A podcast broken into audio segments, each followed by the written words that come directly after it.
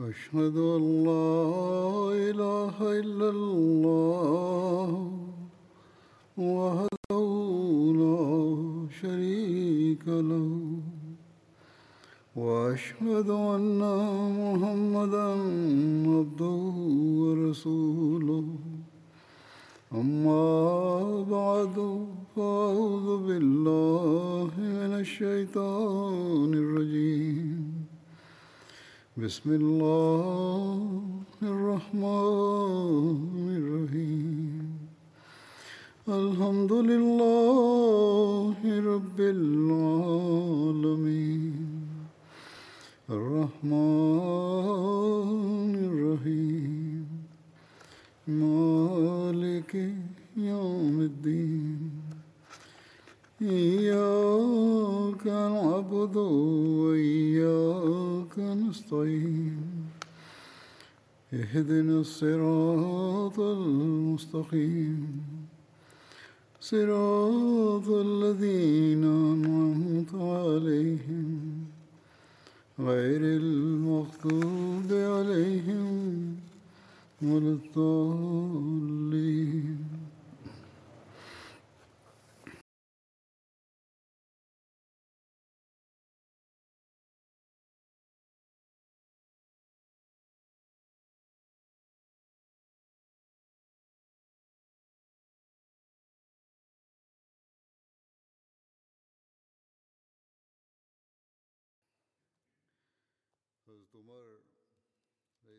كنت تحدثت عن الفتوح في عهد عمر رضي الله عنه. كتب أحد كتاب السيرة لسيدنا عمر رضي الله عنه العلامة شبلي النعماني وهو يذكر أسباب فتوح عمر رضي الله عنه. لعل هذه التساؤلات تنشأ في ذهن مؤرخ أنه كيف طوت فئة قليلة من سكان الصحراء صفحات دولتي فارس والروم. هل هذه واقعة استثنائية في تاريخ العالم؟ وما هي أسبابها يا ترى؟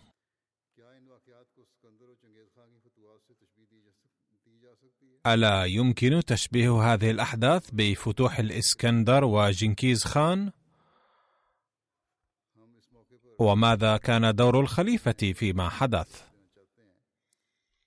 إننا نريد أن نرد هنا على هذه التساؤلات ولكن قبل ذلك ينبغي أن نخبر عن مدى اتساع الفتوح الفاروقية وحدودها. كانت المساحة الكلية للبلاد المفتوحة في عهد عمر رضي الله عنه مليونين ومائتين وواحد وخمسين ألفا وثلاثون ميلا مربعا. أي 1036 ميلا من الناحية الشمالية لمكة المكرمة و1087 ميلا من ناحية الشرق و483 ميلا من ناحية الجنوب. لقد كانت كل هذه الفتوح تخص عمر رضي الله عنه وتمت في أكثر من عشر سنوات بقليل. هذه هي الخلفية التاريخية التي لا بد من معرفتها لفهم هذه الفتوح. والآن أبين ما هو رأي المؤرخين الأوروبيين عن هذه الفتوح. لقد أجاب المؤرخون الأوروبيون على السؤال الأول وقالوا إن مملكتي فارس والروم كانتا قد فقدتا مجدهما. أي كانتا قد بلغتا كمالهما ومن قانون الطبيعة أن لكل كمال زوالا. ثم كتب كان نظام الدولة الفارسية قد اختل تماما بعد خسرو برويز لأنه لم يكن هناك من هو جدير بتولي الحكومة. وكانت المؤامرات قد تفشت بين أعضاء البلاط وأركان الدولة وبسبب تلك المؤامرات ظل يتغير الحكام باستمرار. فإنه في غضون ثلاث أو أربع سنوات صار الحكم في أيدي ستة أو سبعة ملوك ثم خرج من أيديهم. وقال المؤرخون الأوروبيون: والسبب الثاني لذلك هو أن طائفة المزوكية كان قد اشتد أمرها قبل نوشروان بقليل وهي كانت تميل إلى الإلحاد والزندقة أي كانت هذه الطائفة تؤمن بأنه يجب تنزيه قلوب الناس من الطمع ورفع جميع الخلافات وجعل جميع الممتلكات بما فيها النساء ملكا مشتركا للجميع لكي يتنزه الدين أي لم يكن لديهم أي احترام للمرأة أيضا. هذه كانت معتقداتهم. وعند البعض كانت هذه حركة اجتماعية تهدف إلى تطهير الديانة الزردشتيه ومع أن نوشروان كان شدد عليهم بالسيف ولكنه لم يستطع استئصالهم تماما. وعندما وطئت أقدام الإسلام أرض فارس اعتبروا المسلمين انصارا لهم لعدم تعرضهم لأي ديانة وعقيدة. هذه وجهة نظر المؤرخين الأوروبيين. ثم كتب العلامة إن طائفة النصاطرة المسيحية الذين لم يجدوا مأوى لهم في أي حكومة حموا أنفسهم من ظلم المعارضين بمجيئهم تحت ظل الإسلام وهكذا نال المسلمون التأييد والعون من هاتين الفرقتين الكبيرتين بالمجان. أما دولة الروم فقد تسرب إليها الضعف، وإضافة إلى ذلك كانت نزاعات المسيحية فيما بينهم على أشدها في تلك الأيام. ولأن للدين كان دخل في نظام الحكم حينها لذا لم يكن تأثير هذا النزاع مقتصرا على الأفكار الدينية فقط بل كانت الدولة ذاتها تضعف بسببه باستمرار يقول العلامة ردا على هذا الموقف أو رأي المؤرخين الأوروبيين المذكورة هذه الإجابة لا تخلو من الحقيقة كلية إلا أن الزيف في الاستدلال يفوق الحقيقة وهذا هو الأسلوب الخاص بالأوروبيين. فلا شك أن دولتي الفرس والروم لم تكونا في أوج قوتهما آنذاك ويمكن أن يستنتج من ذلك أنهما أصبحتا غير قادرتين على مواجهة دولة قوية. ولكن لا يمكن أن يستنتج أن تمزقا على يد قوم بلا عدة وعتاد كالعرب. لأن الفرس والروم كانوا بارعين في فنون الحرب بدليل أن الكتب التي كتبت عن قواعد الحرب الخاصة بها والتي لا تزال موجودة ظلت رائجة عمليا لمدة عند الروم.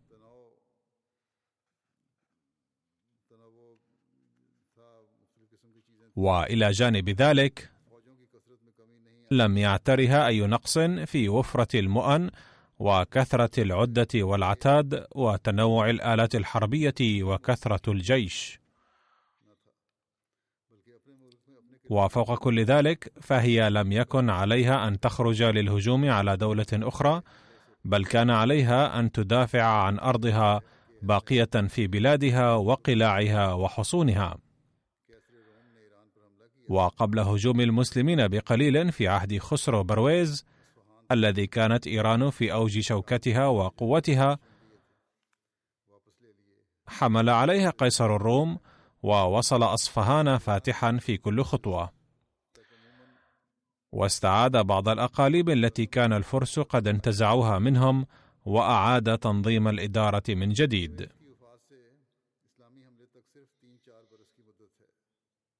ومن المسلم به عموما أن الحكومة الفارسية كانت في غاية القوة والعظمة حتى عهد خسرو برويز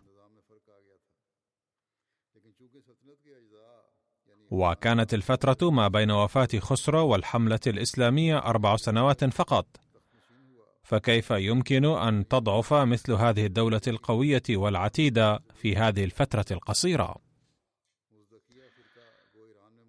لا شك أن التغيير الذي حدث بسبب الذين اعتلوا العرش من بعده قد أخل بالنظام إلا أن مؤسسات الدولة مثل الخزينة والجيش ومصادر الدخل لم يعترها أي خلل.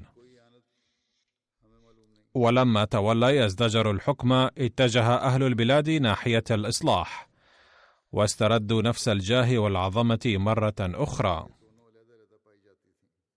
أما الطائفة المزدكية فقد كانت موجودة في إيران ولكن لم نعلم من كتب التاريخ بأن المسلمين تلقوا أي نوع من العون منها كما لم نعلم شيئا عن تلقي المساعدة من النصاطرة ولم يذكر أحد من المؤرخين الأوروبيين أي حدث أثر فيه اختلاف الطوائف المسيحية. ولننظر الآن إلى حالة العرب. فإن جميع الجيوش التي كانت منشغلة في حروب الروم وفارس ومصر لم يصل مجموعها قط إلى مئة ألف ومن ناحية خبرتهم بفنون الحرب فقد كانت اليرموك أول معركة استخدم العرب فيها نظام التعبئة في تنظيم الصفوف. التعبئة هي ترتيب الجيوش عند الحرب، بحيث يكون قائد الجيش أو الملك الذي يقود الجيش يقوم في وسط الجيش. في حين أن الخوذات والدروع والسترة هي لباس حديدي والجواشن نوع من الذرع والمدرعة وتشار اينا هي ألواح حديدية أربع تربط على الصدر والظهر وعلى كلتا الفخذين والقفافيز الحديدية وجهلم هي الحلقات الحديدية على الخوذ أو النقاب والأخفاف التي كانت من مستلزمات ملابس الحرب لكل جندي إيراني لم يكن العرب يعرفون منها سوى الدروع وكثيرا ما كانت تصنع من الجلد. أي كانت أدوات الحفاظ عند الفرس متطورة ومصنوعة من الحديد وعند العرب بسيطة ومصنوعة من الجلد. وكان الركاب من الخشب بدلا من الحديد. ولم يكن العرب يعرفون من آلات الحرب سوى الصولجان والوهق. الصولجان نوع من السلاح يكون سميكا ومدورا من أعلاه ويكون تحته عصا ويستخدم لضرب رأس العدو.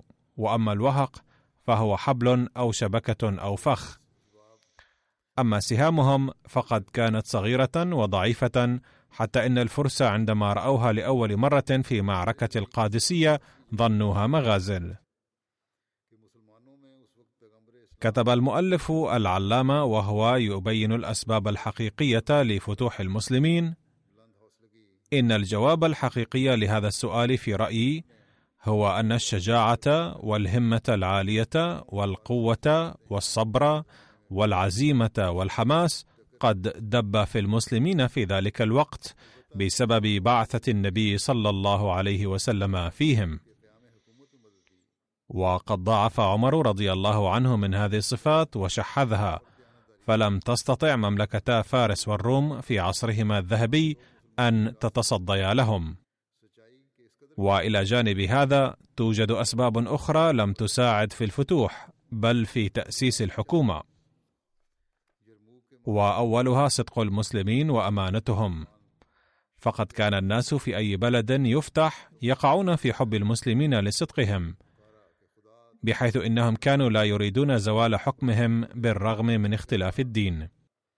ففي معركة اليرموك عندما خرج المسلمون من مدن الشام صاح جميع الرعايا المسيحيين قائلين ليردكم الله إلى هذه البلد.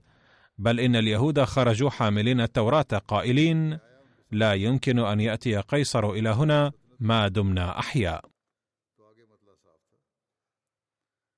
لقد كان حكم الروم في مصر والشام حكما جائرا. لذا واجه الروم المسلمين بقوة الدولة والجيش ولم يكن معهم الرعاية. وعندما قضى المسلمون على قوة الدولة كان الجو مهيئا أمامهم لأنهم لم يجدوا أي نوع من أنواع المقاومة من جانب الرعايا إلا أن حالة فارس كانت مختلفة عنها. فقد كان هناك كثير من الحكام والأمراء تحت لواء المملكة. وكانوا يملكون الأقاليم والمحافظات. فكانوا يحاربون للحفاظ على حكوماتهم الخاصة لا من أجل الدولة. ومن أجل ذلك واجه المسلمون العراقيل عند كل خطوة في فارس حتى بعد فتحهم عاصمتها. إلا أن عامة الرعايا كانت معجبة بالمسلمين وصارت عونا كبيرا على استتباب حكم المسلمين بعد الفتح.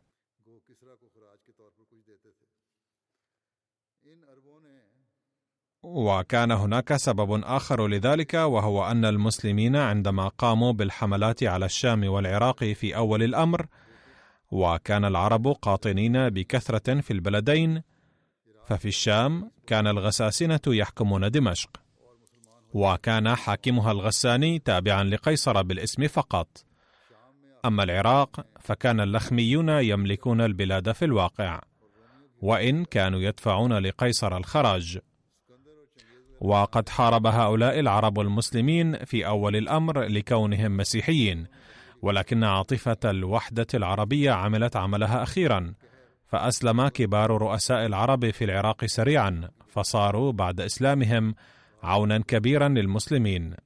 أما في الشام فأسلم العرب فيها في نهاية المطاف وتحرروا من حكم الروم.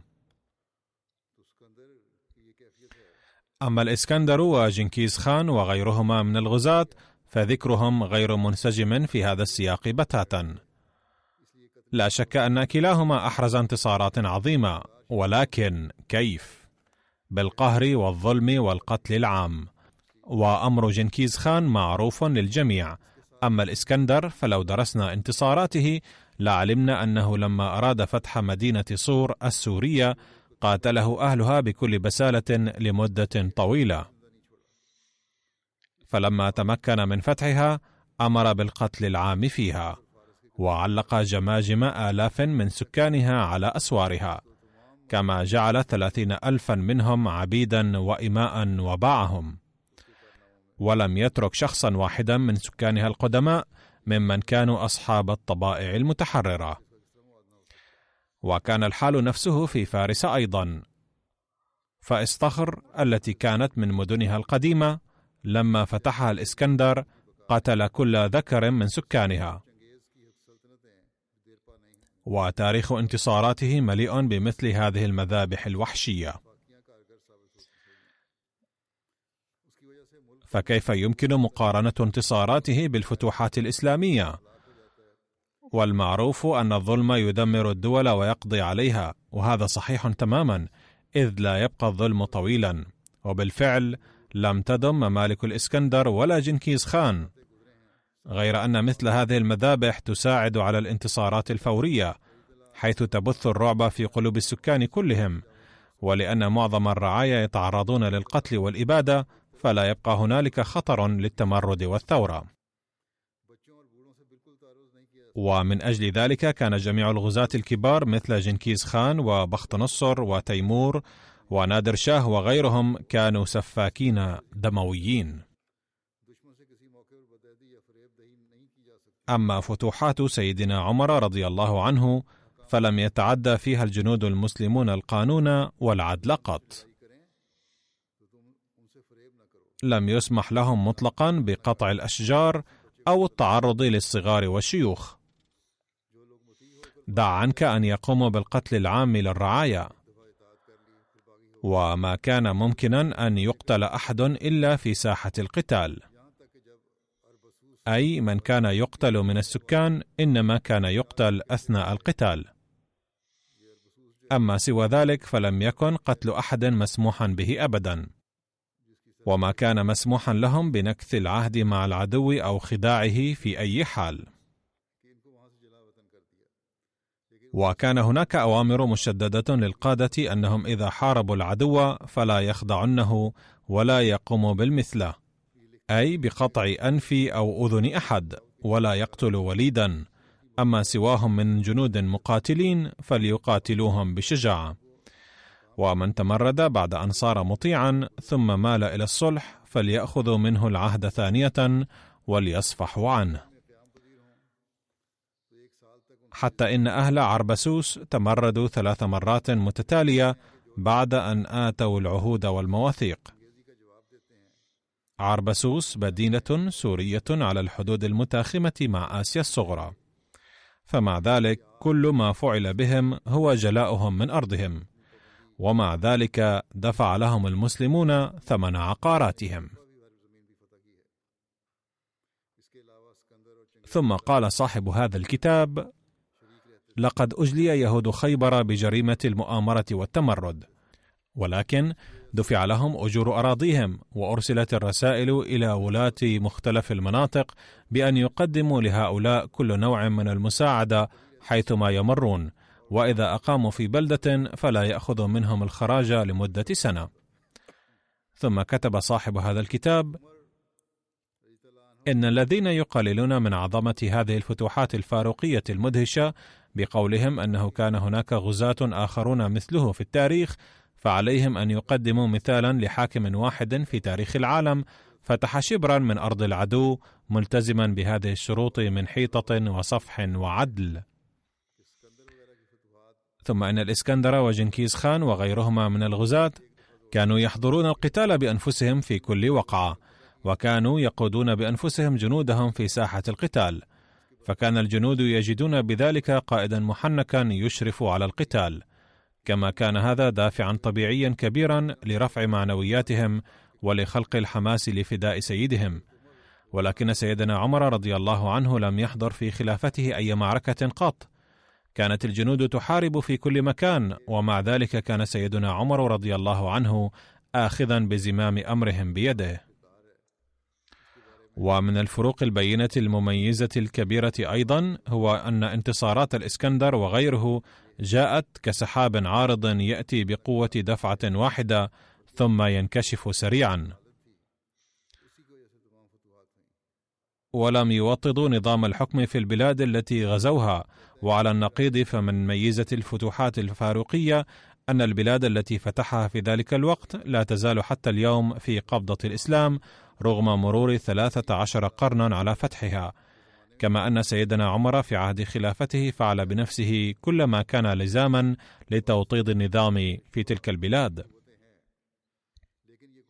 ثم كتب صاحب هذا الكتاب عن الدور الخاص الذي لعبه سيدنا عمر في تلك الفتوحات فقال والإعتراض الأخير الذي يثار من قبل هؤلاء المعترضين نظرا إلى الرأي العام السائد آنذاك هو لم يكن لعمر دور خاص في هذه الفتوحات بل إن الحماس والعزيمة السائدين عموما عند المسلمين عندها كانا هما الدافع الأصلي وراء كل هذه الانتصارات.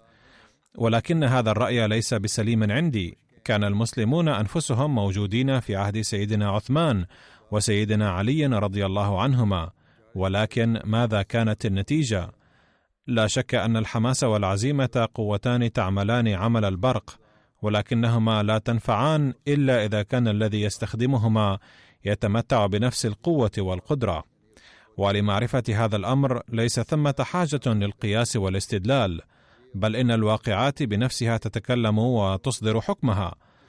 فبدراسة تلك الفتوحات بالتفصيل يتضح جليا أن كل الجنود كانوا يتحركون كالدمية بإشارات سيدنا عمر رضي الله عنه وكان نظام الجنود مرهونا بسياسة عمر وتدبيره رضي الله عنه.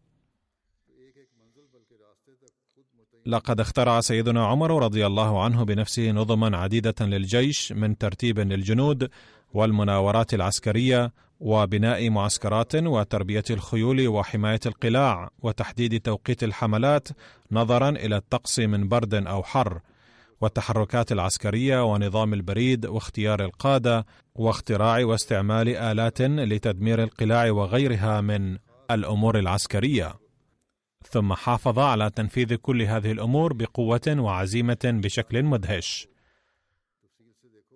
كل هذه الأمور هي من خواص سيدنا عمر وحده والحق أن سيدنا عمر قاد بنفسه الجيوش الإسلامية في الفتوحات العراقية. فعندما كان الجنود يسيرون من المدينة كان يحدد لهم كل منزل ينزلونه في الطريق بل كان يحدد لهم الطرق التي يسلكونها. وظل يرسل لهم أوامره وفقا لرؤيته. ولما وصل الجيش قريبا من القادسية طلب خريطة المكان وبحسبها أرسل تعليماته لإعداد الجيش وترتيب الصفوف. وكان القادة الذين يتولون شتى المهام إنما كانوا يتولونها بحسب تعليمات صادرة مباشرة من عمر رضي الله عنه. لو قرأتم أحداث العراق المفصلة في تاريخ الطبري لتبين لكم بكل جلاء أن هذا القائد الأعلى كان يدير القتال بإصدار الأوامر لكل الجيوش المختلفة جالسا من مكان بعيد. وأن كل شيء كان يتم بحسب إشاراته. كانت هناك معركتان من أخطر المعارك خلال كل تلك الحروب التي وقعت في عشر سنوات. إحداهما معركة نهاوند حين أرسل الفرس نقباءهم في كل ولاية فارسية وأججوا الناس ضد المسلمين من أقصى البلاد إلى أقصاها فتهيأ المحاربون بمئات الآلاف وتقدموا للقاء المسلمين. والأخرى حين هاجم قيصر الروم بجنوده ثانية على حمص بمساعدة أهل الجزيرة.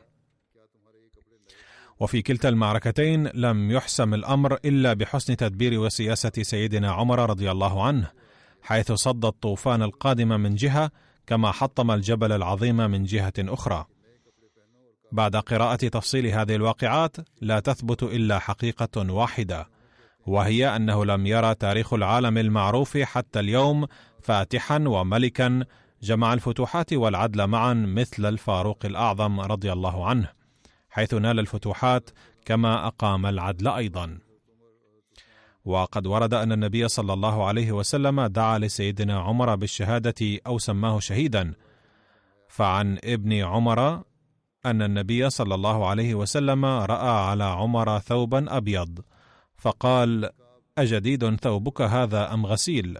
قال ابن عمر لا أتذكر بماذا أجاب عمر رسول الله صلى الله عليه وسلم إلا أن رسول الله صلى الله عليه وسلم قال له إلبس جديدا. وعش حميدا ومت شهيدا. وقال ابن عمر أظن أنه صلى الله عليه وسلم قال أيضا ويرزقك الله قرة عين في الدنيا والآخرة.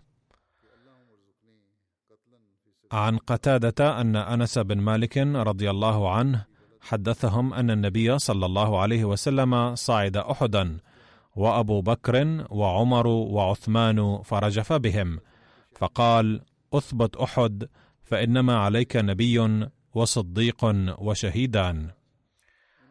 عن أبي بن كعب رضي الله عنه قال قال رسول الله صلى الله عليه وسلم قال لي جبريل عليه السلام ليبكي الإسلام على موت عمر رضي الله عنه.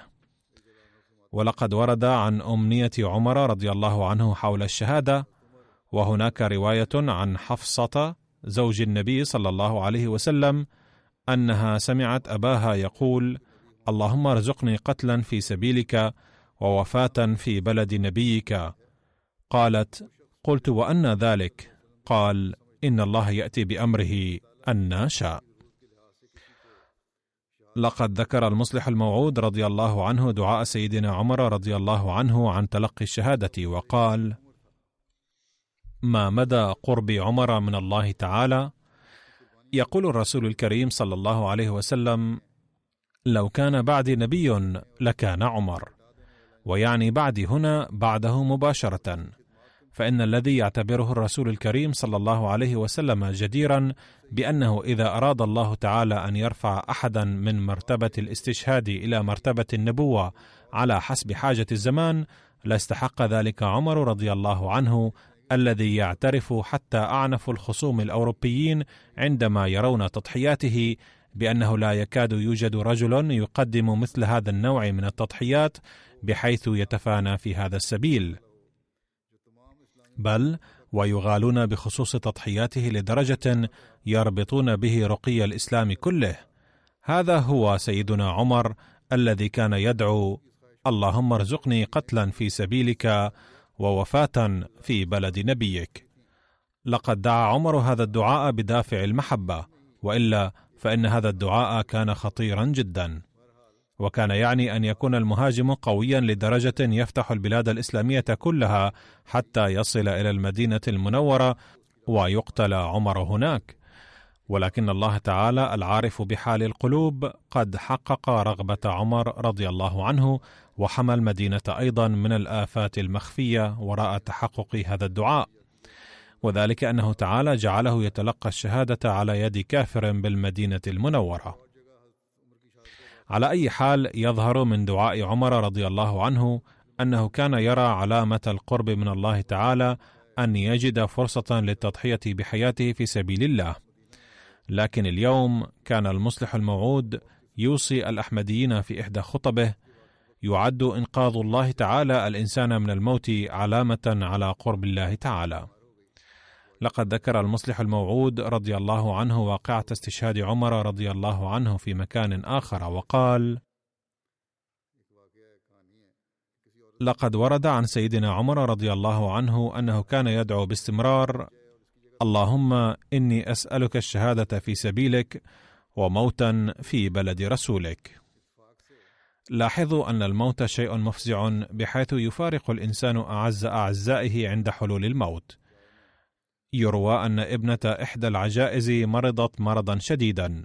يذكر حضرة المصلح الموعود واقعة لإظهار كيفية خوف الناس من الموت وهي قصة عجوز مرضت ابنتها. فأخذت تدعو يوميا أن تنجو ابنتها من الموت وتموت هي مكانها. حيث كانت تبدي حبا لابنتها. وفي إحدى الليالي انحل رسن البقرة فمضت وأدخلت رأسها في جرة ضيقة فعلق فيه. فأخذتها برأسها وجفلت وأخذت تجري هنا وهناك. فلما رأتها العجوز أمامها ورأت مكان رأسها شيئا ضخما عجيبا ذعرت أي رأت أنها جسم البقرة ومكان رأسها شيء آخر. وهي تجري هنا وهناك فخافت جدا. فظنت أن دعاءها استجيب وجاء عزرائيل لقبض روحها فأخذت تصرخ بشكل عفوي قائلة يا عزرائيل لست أنا المريضة إنما هي التي مضطجعة هناك. فاقبض روحها وأشارت بذلك إلى ابنتها. يقول المصلح الموعود رضي الله عنه لاحظوا كم يحب المرء إنقاذ نفسه من الموت ويسعى له سعيه. فكانت العجوز تدعو لتموت مكان ابنتها ولكنها لما لاحظت أن خطر الموت محدق بها أشارت إلى ابنتها لتقبض روحها. يقول حضرته يقوم الإنسان بكل ما في وسعه من أجل إنقاذ نفسه وبعضهم يظلون ينفقون على تلقي العلاج حتى الإفلاس. أما الصحابة فكانوا يتمنون باندفاع شديد للتضحية بنفوسهم في سبيل الله تعالى لدرجة أن عمر رضي الله عنه كان يدعو أن ينال الشهادة في المدينة المنورة. يقول المصلح الموعود خطر ببالي ما أخطر هذا الدعاء إذ كان يعني أن يشن العدو على المدينة هجوما شديدا ويقتل عمر في أزقة المدينة. ولكن الله تعالى قد استجاب دعاءه بطريقة أخرى بحيث استشهد في المدينة بيد شخص كان يدعي الإسلام. قيل عن القاتل أنه كان كافرا ولكن ورد في بعض الروايات أنه ربما كان مسلما. على أي حال بشكل عام يعرف عنه أنه كان كافرا أما المصلح الموعود فقد ذكره مرة أنه كان كافرا وذكر أيضا أنه كان مسلما أي أنه لم يكن متاكدا اكان القاتل مسلما أم كافرا فقد ذكر بنفسه هنا أيضا. ويرى البعض أنه لم يكن مسلما على أي حال كان عبدا مملوكا تم استشهاد عمر بيده فما يرغب فيه الإنسان ويتمناه لا يعده مصيبة له. هذا كان بيان المصلح الموعود رضي الله عنه من إحدى خطبه. وهناك رؤى بعض الصحابة عن استشهاد ووفاة عمر رضي الله عنه. عن أبي بردة عن أبيه قال رأى عوف بن مالك أن الناس جمعوا في صعيد واحد فإذا رجل قد علا الناس بثلاثة أذرع. قلت من هذا؟ قال عمر بن الخطاب. قلت بما يعلوهم. قال إن فيه ثلاث خصال. لا يخاف في الله لومة لائم. وإنه شهيد مستشهد وخليفة مستخلف. فأتى عوف أبا بكر الذي كان خليفة آنذاك فحدثه فبعث أبو بكر إلى عمر فبشره. فقال أبو بكر لعوف قص رؤياك. فلما قال خليفة مستخلف انتهره عمر فأسكته لأنه كان يذكر ذلك في حياة أبي بكر. فلما ولي عمر انطلق إلى الشام فبينما هو يخطب إذ رأى عوف بن مالك فدعاه فصعد معه المنبر فقال أقصص رؤياك. فقصها فقال أما ألا أخاف في الله لومة لائم فأرجو أن يجعلني الله فيهم. وأما خليفة مستخلف فقد استخلفت فأسأل الله أن يعينني على ما ولاني. وأما شهيد مستشهد فأنى لي الشهادة وأنا بين ظهراني جزيرة العرب لست أغزو الناس حولي. ثم قال يأتي بها الله إن شاء الله. أي أن الظروف الحالية لا تشير إلى ذلك ولكن الله تعالى يمكن أن يأتي بها إن شاء. عن أنس بن مالك عن أبي موسى الأشعري قال رأيت كأني أخذت جوادا كثيرة فاضمحلت حتى بقيت جادة واحدة. فسلكتها حتى انتهيت إلى جبل فإذا رسول الله صلى الله عليه وسلم فوقه وإلى جنبه أبو بكر.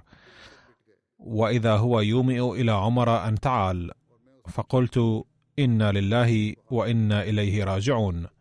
مات والله أمير المؤمنين. قال أنس فقلت ألا تكتب بهذا إلى عمر؟ فقال ما كنت لأنعي له نفسه. عن سعيد بن أبي هلال أن سيدنا عمر بن الخطاب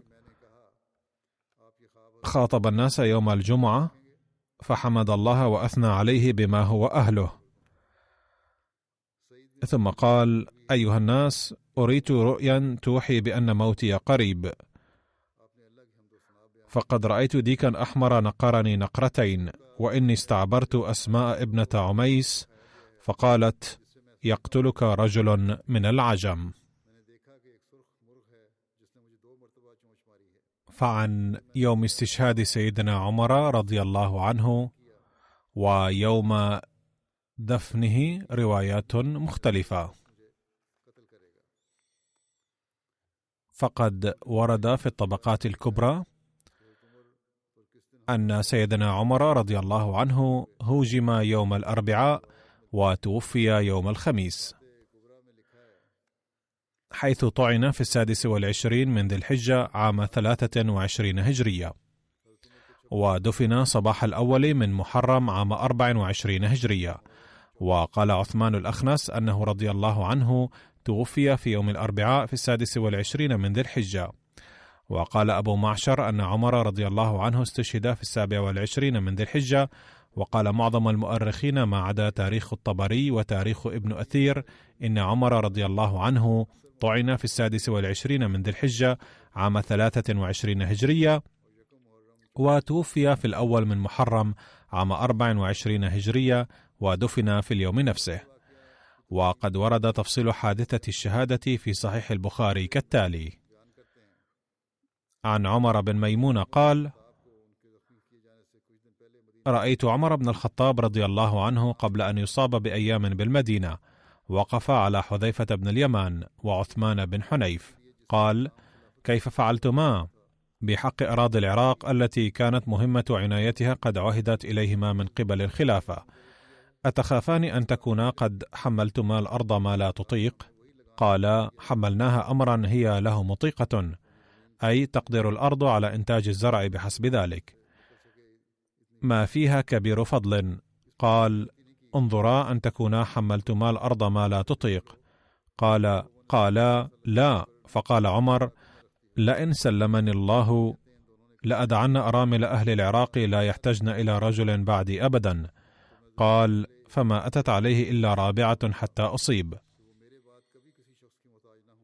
قال إني لقائم ما بيني وبينه إلا عبد الله بن عباس غداة أصيب وكان إذا مر بين الصفين قال استووا حتى إذا لم يرى فيهن خللا تقدم فكبر. وربما قرأ سورة يوسف أو النحل أو نحو ذلك في الركعة الأولى حتى يجتمع الناس. فما هو إلا أن كبر فسمعته يقول قتلني أو أكلني الكلب.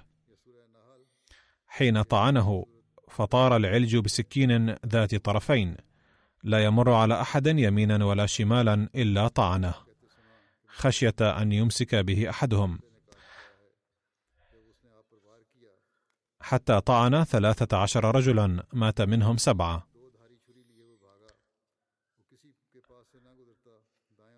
فلما رأى ذلك رجل من المسلمين طرح عليه برنسا. وهو قميص طويل ومعه ما يغطي الرأس أيضا ويقال للطاقية الطويلة أيضا. فلما ظن العلج أنه مأخوذ نحر نفسه. وتناول عمر يد عبد الرحمن بن عوف فقدمه.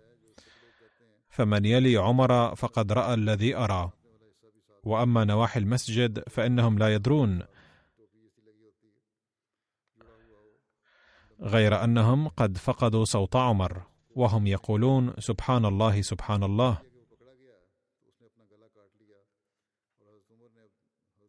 فصلى بهم عبد الرحمن صلاة خفيفة.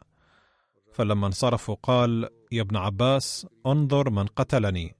فجال ساعة ثم جاء فقال غلام المغيرة. قال الصنع قال نعم. قال قاتله الله. لقد أمرت به معروفا. الحمد لله الذي لم يجعل ميتتي بيد رجل يدعي الإسلام. فمن هنا أيضا ثبت أنه لم يكن مسلما. قد كنت أنت وأبوك تحبان أن تكثر العلوج بالمدينة وكان العباس أكثرهم رقيقا. فقال إن شئت فعلت أي إن شئت قتلنا. أي هؤلاء الرقيق العجم في المدينة؟ قال كذبت بعدما تكلموا بلسانكم وصلوا قبلتكم وحجوا حجكم. فكان كثير من الرقيق قد أسلموا. فاحتمل إلى بيته فانطلقنا معه. وكأن الناس لم تصبهم مصيبة قبل يومئذ. فقائل يقول لا بأس. وقائل يقول أخاف عليه. فأتي بنبيذ فشربه. فخرج من جوفه. ثم أتي بلبن فشربه فخرج من جرحه. فعلموا أنه ميت.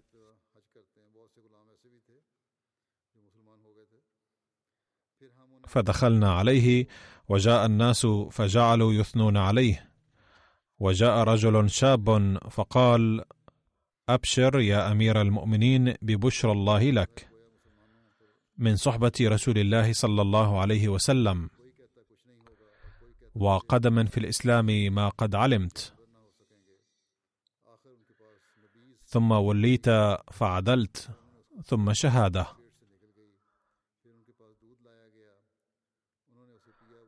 قال وددت أن ذلك كفاف لا علي ولا لي.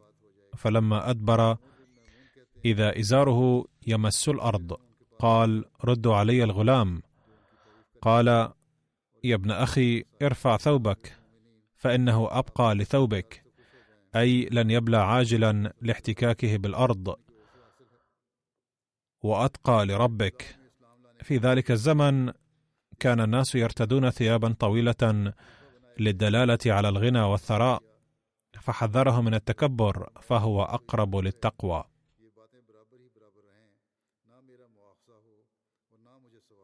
يا عبد الله بن عمر انظر ما علي من الدين. فحسبوه فوجدوه ستة وثمانين ألفا أو نحوه. قال إن وفى له مال آل عمر فأده من أموالهم. وإلا فسل في بني عدي بن كعب. فإن لم تفي أموالهم فسل في قريش. ولا تعدهم إلى غيرهم فأدي عني هذا المال. انطلق إلى عائشة أم المؤمنين. فقل يقرأ عليك عمر السلام ولا تقل أمير المؤمنين. فإني لست اليوم للمؤمنين أميرا. وقل يستأذن عمر بن الخطاب أن يدفن مع صاحبيه. وقد ورد في عمدة القارئ شرح البخاري أنه رضي الله عنه قال حين أيقن بموته وكان في ذلك إشارة لحضرة عائشة ألا تخاف من أمير المؤمنين. فسلم واستأذن ثم دخل عليها فوجدها قاعدة تبكي فقال يقرأ عليك عمر بن الخطاب السلام ويستأذن أن يدفن مع صاحبيه. فقالت كنت أريده لنفسي ولأوثرن به اليوم على نفسي. فلما أقبل قيل هذا عبد الله بن عمر قد جاء. قال ارفعوني. فأسنده رجل إليه فقال ما لديك؟ قال الذي تحب يا أمير المؤمنين. أذنت قال الحمد لله ما كان من شيء أهم إلي من ذلك فإذا أنا قضيت فاحملوني. ثم سلم فقل يستأذن عمر بن الخطاب فإن أذنت لي فأدخلوني الحجرة للدفن وإن ردتني ردوني إلى مقابر المسلمين. وجاءت أم المؤمنين حفصة والنساء تسير معها فلما رأيناها قمنا فولجت عليه فبكت عنده ساعة واستأذن الرجال فولجت داخلا لهم. فسمعنا بكاءها من الداخل. فقالوا أوصي يا أمير المؤمنين استخلف. قال ما أجد أحدا أحق بهذا الأمر من هؤلاء النفر أو الرهط الذين توفي رسول الله صلى الله عليه وسلم وهو عنهم راض. فسمى عليا وعثمان والزبير وطلحة وسعدا وعبد الرحمن وقال يشهدكم عبد الله بن عمر وليس له من الأمر شيء كهيئة التعزية له فإن أصابت الإمرة سعدا فهو ذاك وإلا فليستعن به أيكم ما أمر فإني لم أعزله عن عجز ولا خيانة. وقال أوصي الخليفة من بعدي بالمهاجرين الأولين أن يعرف لهم حقهم ويحفظ لهم حرمتهم وأوصيه بالأنصار خيرا. الذين تبوأوا الدار والإيمان من قبلهم أن يقبل من محسنهم وأن يعفى عن مسيئهم. وأوصيه بأهل الأمصار خيرا فإنهم ردء الإسلام وجبات المال. وغيظ العدو. ولا يؤخذ منهم إلا فضلهم عن رضاهم. وأوصيه بالأعراب خيرا فإنهم أصل العرب. ومادة الإسلام أن يؤخذ من حواشي أموالهم ويرد على فقرائهم. وأوصيه بذمة الله وذمة رسوله صلى الله عليه وسلم أن يوفى لهم بعهدهم وأن يقاتل من ورائهم. ولا يكلف إلا طاقتهم فلما قبض خرجنا به فانطلقنا نمشي فسلم عبد الله بن عمر قال يستأذن عمر بن الخطاب. قالت أدخلوه. فأدخل فوضع هنالك مع صاحبيه. فلما فرغ من دفنه اجتمع هؤلاء الرهط الذين سماهم عمر رضي الله عنه ليتم انتخاب الخليفة. سأستأنف الحديث في هذا الموضوع في الخطبة القادمة بإذن الله لأن للحديث بقية. واليوم ستبدأ الجلسة السنوية للجماعة في ألمانيا. ندعو الله تعالى أن يبارك فيها بركات كثيرة ويوفق الأحمديين الألمان للاستفادة منها أكثر فأكثر. ستكون الجلسة ليومين وسأخطب في جلستهم الأخيرة مساء غدا بإذن الله تعالى وسيبث خطابي عبر اي في الساعة الثالثة والنصف تقريبا بحسب توقيتنا هنا. أما بقية برامج الجلسة فتبث من اليوم للإخوة الألمان مباشرة.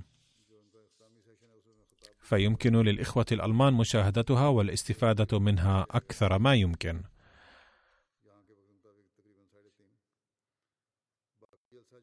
بعد صلاة الجمعة سأصلي على مرحومين صلاة الغائب وسأذكر بعضا من محاسنهم. الجنازة الأولى هي للمرحوم قمر الدين داعية الجماعة في إندونيسيا الذي توفي قبل بضعة أيام عن عمر يناهز خمسة وستين عاما إنا لله وإنا إليه راجعون لقد بايع المرحوم في عام 1972 حين كان بالغا من العمر 15 عاما. وبعد التعليم الابتدائي نذر حياته لخدمة الجماعة وسافر إلى باكستان للحصول على التعليم الديني. ونال شهادة شاهد في الثلاثين من حزيران يونيو عام 1986 وعين داعية الجماعة في إندونيسيا في تموز يوليو عام 1986 كان المرحوم يتلو القرآن الكريم بصوت جميل ورخيم جدا وكان داعية مخلصا ومتحمسا جدا. إن مدة خدمته ممتدة على 35 عاما تقريبا. تقول زوجته كان المرحوم يقول لي لست زوجة داعية الجماعة فقط بل يجب أن تكوني سباقة في خدمات الجماعة أيضا. كان يحب الخليفة ويطيعه كثيرا. كان حبه للخلافة وطاعة الخليفة صفته البارزة جدا. كان يعامل الصغار والكبار باحترام شديد. كلما تحدث إلى أي أحمدية نصحه دائما بحب الجماعة والإخلاص لها ورغبه دائما في خدمة الجماعة أكثر ما يمكن. وكلما لقي أحدا من غير الأحمديين بلغه دعوة الجماعة حتما وكان يحدث دائما بإخلاص القلب وبلهجة ملؤها الحب والاحترام لدرجة يفرح لها المستمعون. وفي حالة المرض أيضا كان ينهض قبل ساعة ونصف أو ساعتين من صلاة الفجر لأداء صلاة التهجد وتلاوة القرآن الكريم. ظل يذهب إلى المسجد مشيا ما استطاع ليصلي فيه جماعة. ابن السيد عمر فاروق أيضا يعمل داعية للجماعة وهو مدرس في الجامعة الأحمدية في إندونيسيا. ويقول: كان يقرأ شيئا من القرآن في البيت وفي أثناء التمشي أحيانا في الخارج أيضا. لقد قام بترجمة كتب المسيح الموعود عليه السلام ومراجعتها. وفي أثناء الترجمة بوجه خاص كان يقرأ قصائد المسيح الموعود عليه السلام بكثرة. وكلما سرد وقائع حياة النبي صلى الله عليه وسلم غرورقت عيناه دموعا. يتابع ابنه كان كثيرا ما يسرد لي أحداث ابتلاءات ومصائب يواجهها الأحمديون وأحداث تضحيات يقدمونها. كذلك كان يسرد تجاربه الشخصية أيضا وكيفية تحمله المعاناة والشدائد. يقول ابنه الأصغر السيد ظفر الله خان كان انسانا ذو همة عالية وشجاعا جدا وقضى حياة بسيطة وفضل القناعة دائما. ندعو الله تعالى أن يغفر له ويرحمه ويرفع درجاته. الجنازة الثانية هي للمرحومة صبيحة هارون زوجة السيد سلطان هارون التي توفيت قبل بضعة أيام عن عمر يناهز 73 عاما. إنا لله وإنا إليه راجعون. لقد دخلت الأحمدية في عائلة المرحومة نتيجة بيعة والدها الذي بايع بعد البحث والتحقيق بنفسه حين كان يبلغ من العمر 18 عاما على يد سيدنا المصلح الموعود رضي الله عنه. ثم بايع جد المرحومة بعد بيعة ابنه. لقد رزقها الله تعالى ثلاثة أبناء وثلاثة بنات. أحد أبنائها صهر للخليفة الرابع رحمه الله تعالى. يقول ابنها السيد سلطان محمد خان لقد مات بكر والدتي صدفة حين كان يبلغ من العمر عامين فقط. وقال لها سيدنا الخليفة الثالث رحمه الله عند صلاة الجنازة عليه سيعوضك الله ببديل حسن ويرزقك ابنا وسيما وسينال عمرا طويلا. وقال رحمه الله مشيرا إلى زوجها السيد ملك سلطان إني لأراه شابا واقفا بازاء كتفك يتابع ابنها السيد سلطان أحمد خان. من حسن حظي أنني قضيت وقتا طويلا من الطفولة إلى الآن مع أمي. فكانت أما رؤوما وتعفو عن الأخطاء ولم تغتب أحدا قط. تقول ابنتها السيدة محمودة سلطانة كانت والدتي طيبة الفطرة وقليلة الكلام وتتحلى بأوصاف حميدة جدا. كانت تحب الجماعة حبا بإخلاص شديد وكانت حبها للخلافة بالغا ذروتها. وهذا ما كانت تنصحنا به دائما. كانت تتحلى بأخلاق فاضلة وتعين الأقارب. كانت صفتها لإكرام الضيوف معروفة في العائلة كلها. لم تجرح عواطف أحد قط. كانت تبغض الغيبة كثيرا وكانت تنصح باجتنابها دائما. وكانت تخرج من مجلس يغتاب فيه مع آثار الاستياء واضحة على وجهها. كانت تعفو وتصفح دائما. تقول ابنتها لم تدع والدتي حتى على عدو هاجم والدي لاغتياله وكانت تقول أنا أدعو لهؤلاء الناس أن يهديهم الله تعالى. كانت تكن عواطف الحب واللطف للمرضى الفقراء بوجه خاص وكانت تساعدهم ماليا سرا بحيث لا يعرف ذلك أحد. تقول الابنة الأخرى للمرحومة اسمها السيدة وجيهة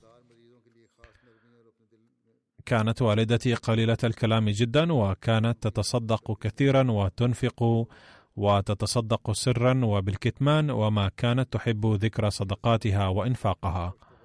ندعو الله تعالى أن يغفر للمرحومه ويرحمها ويوفق أولادها للاستمرار في حسناتها.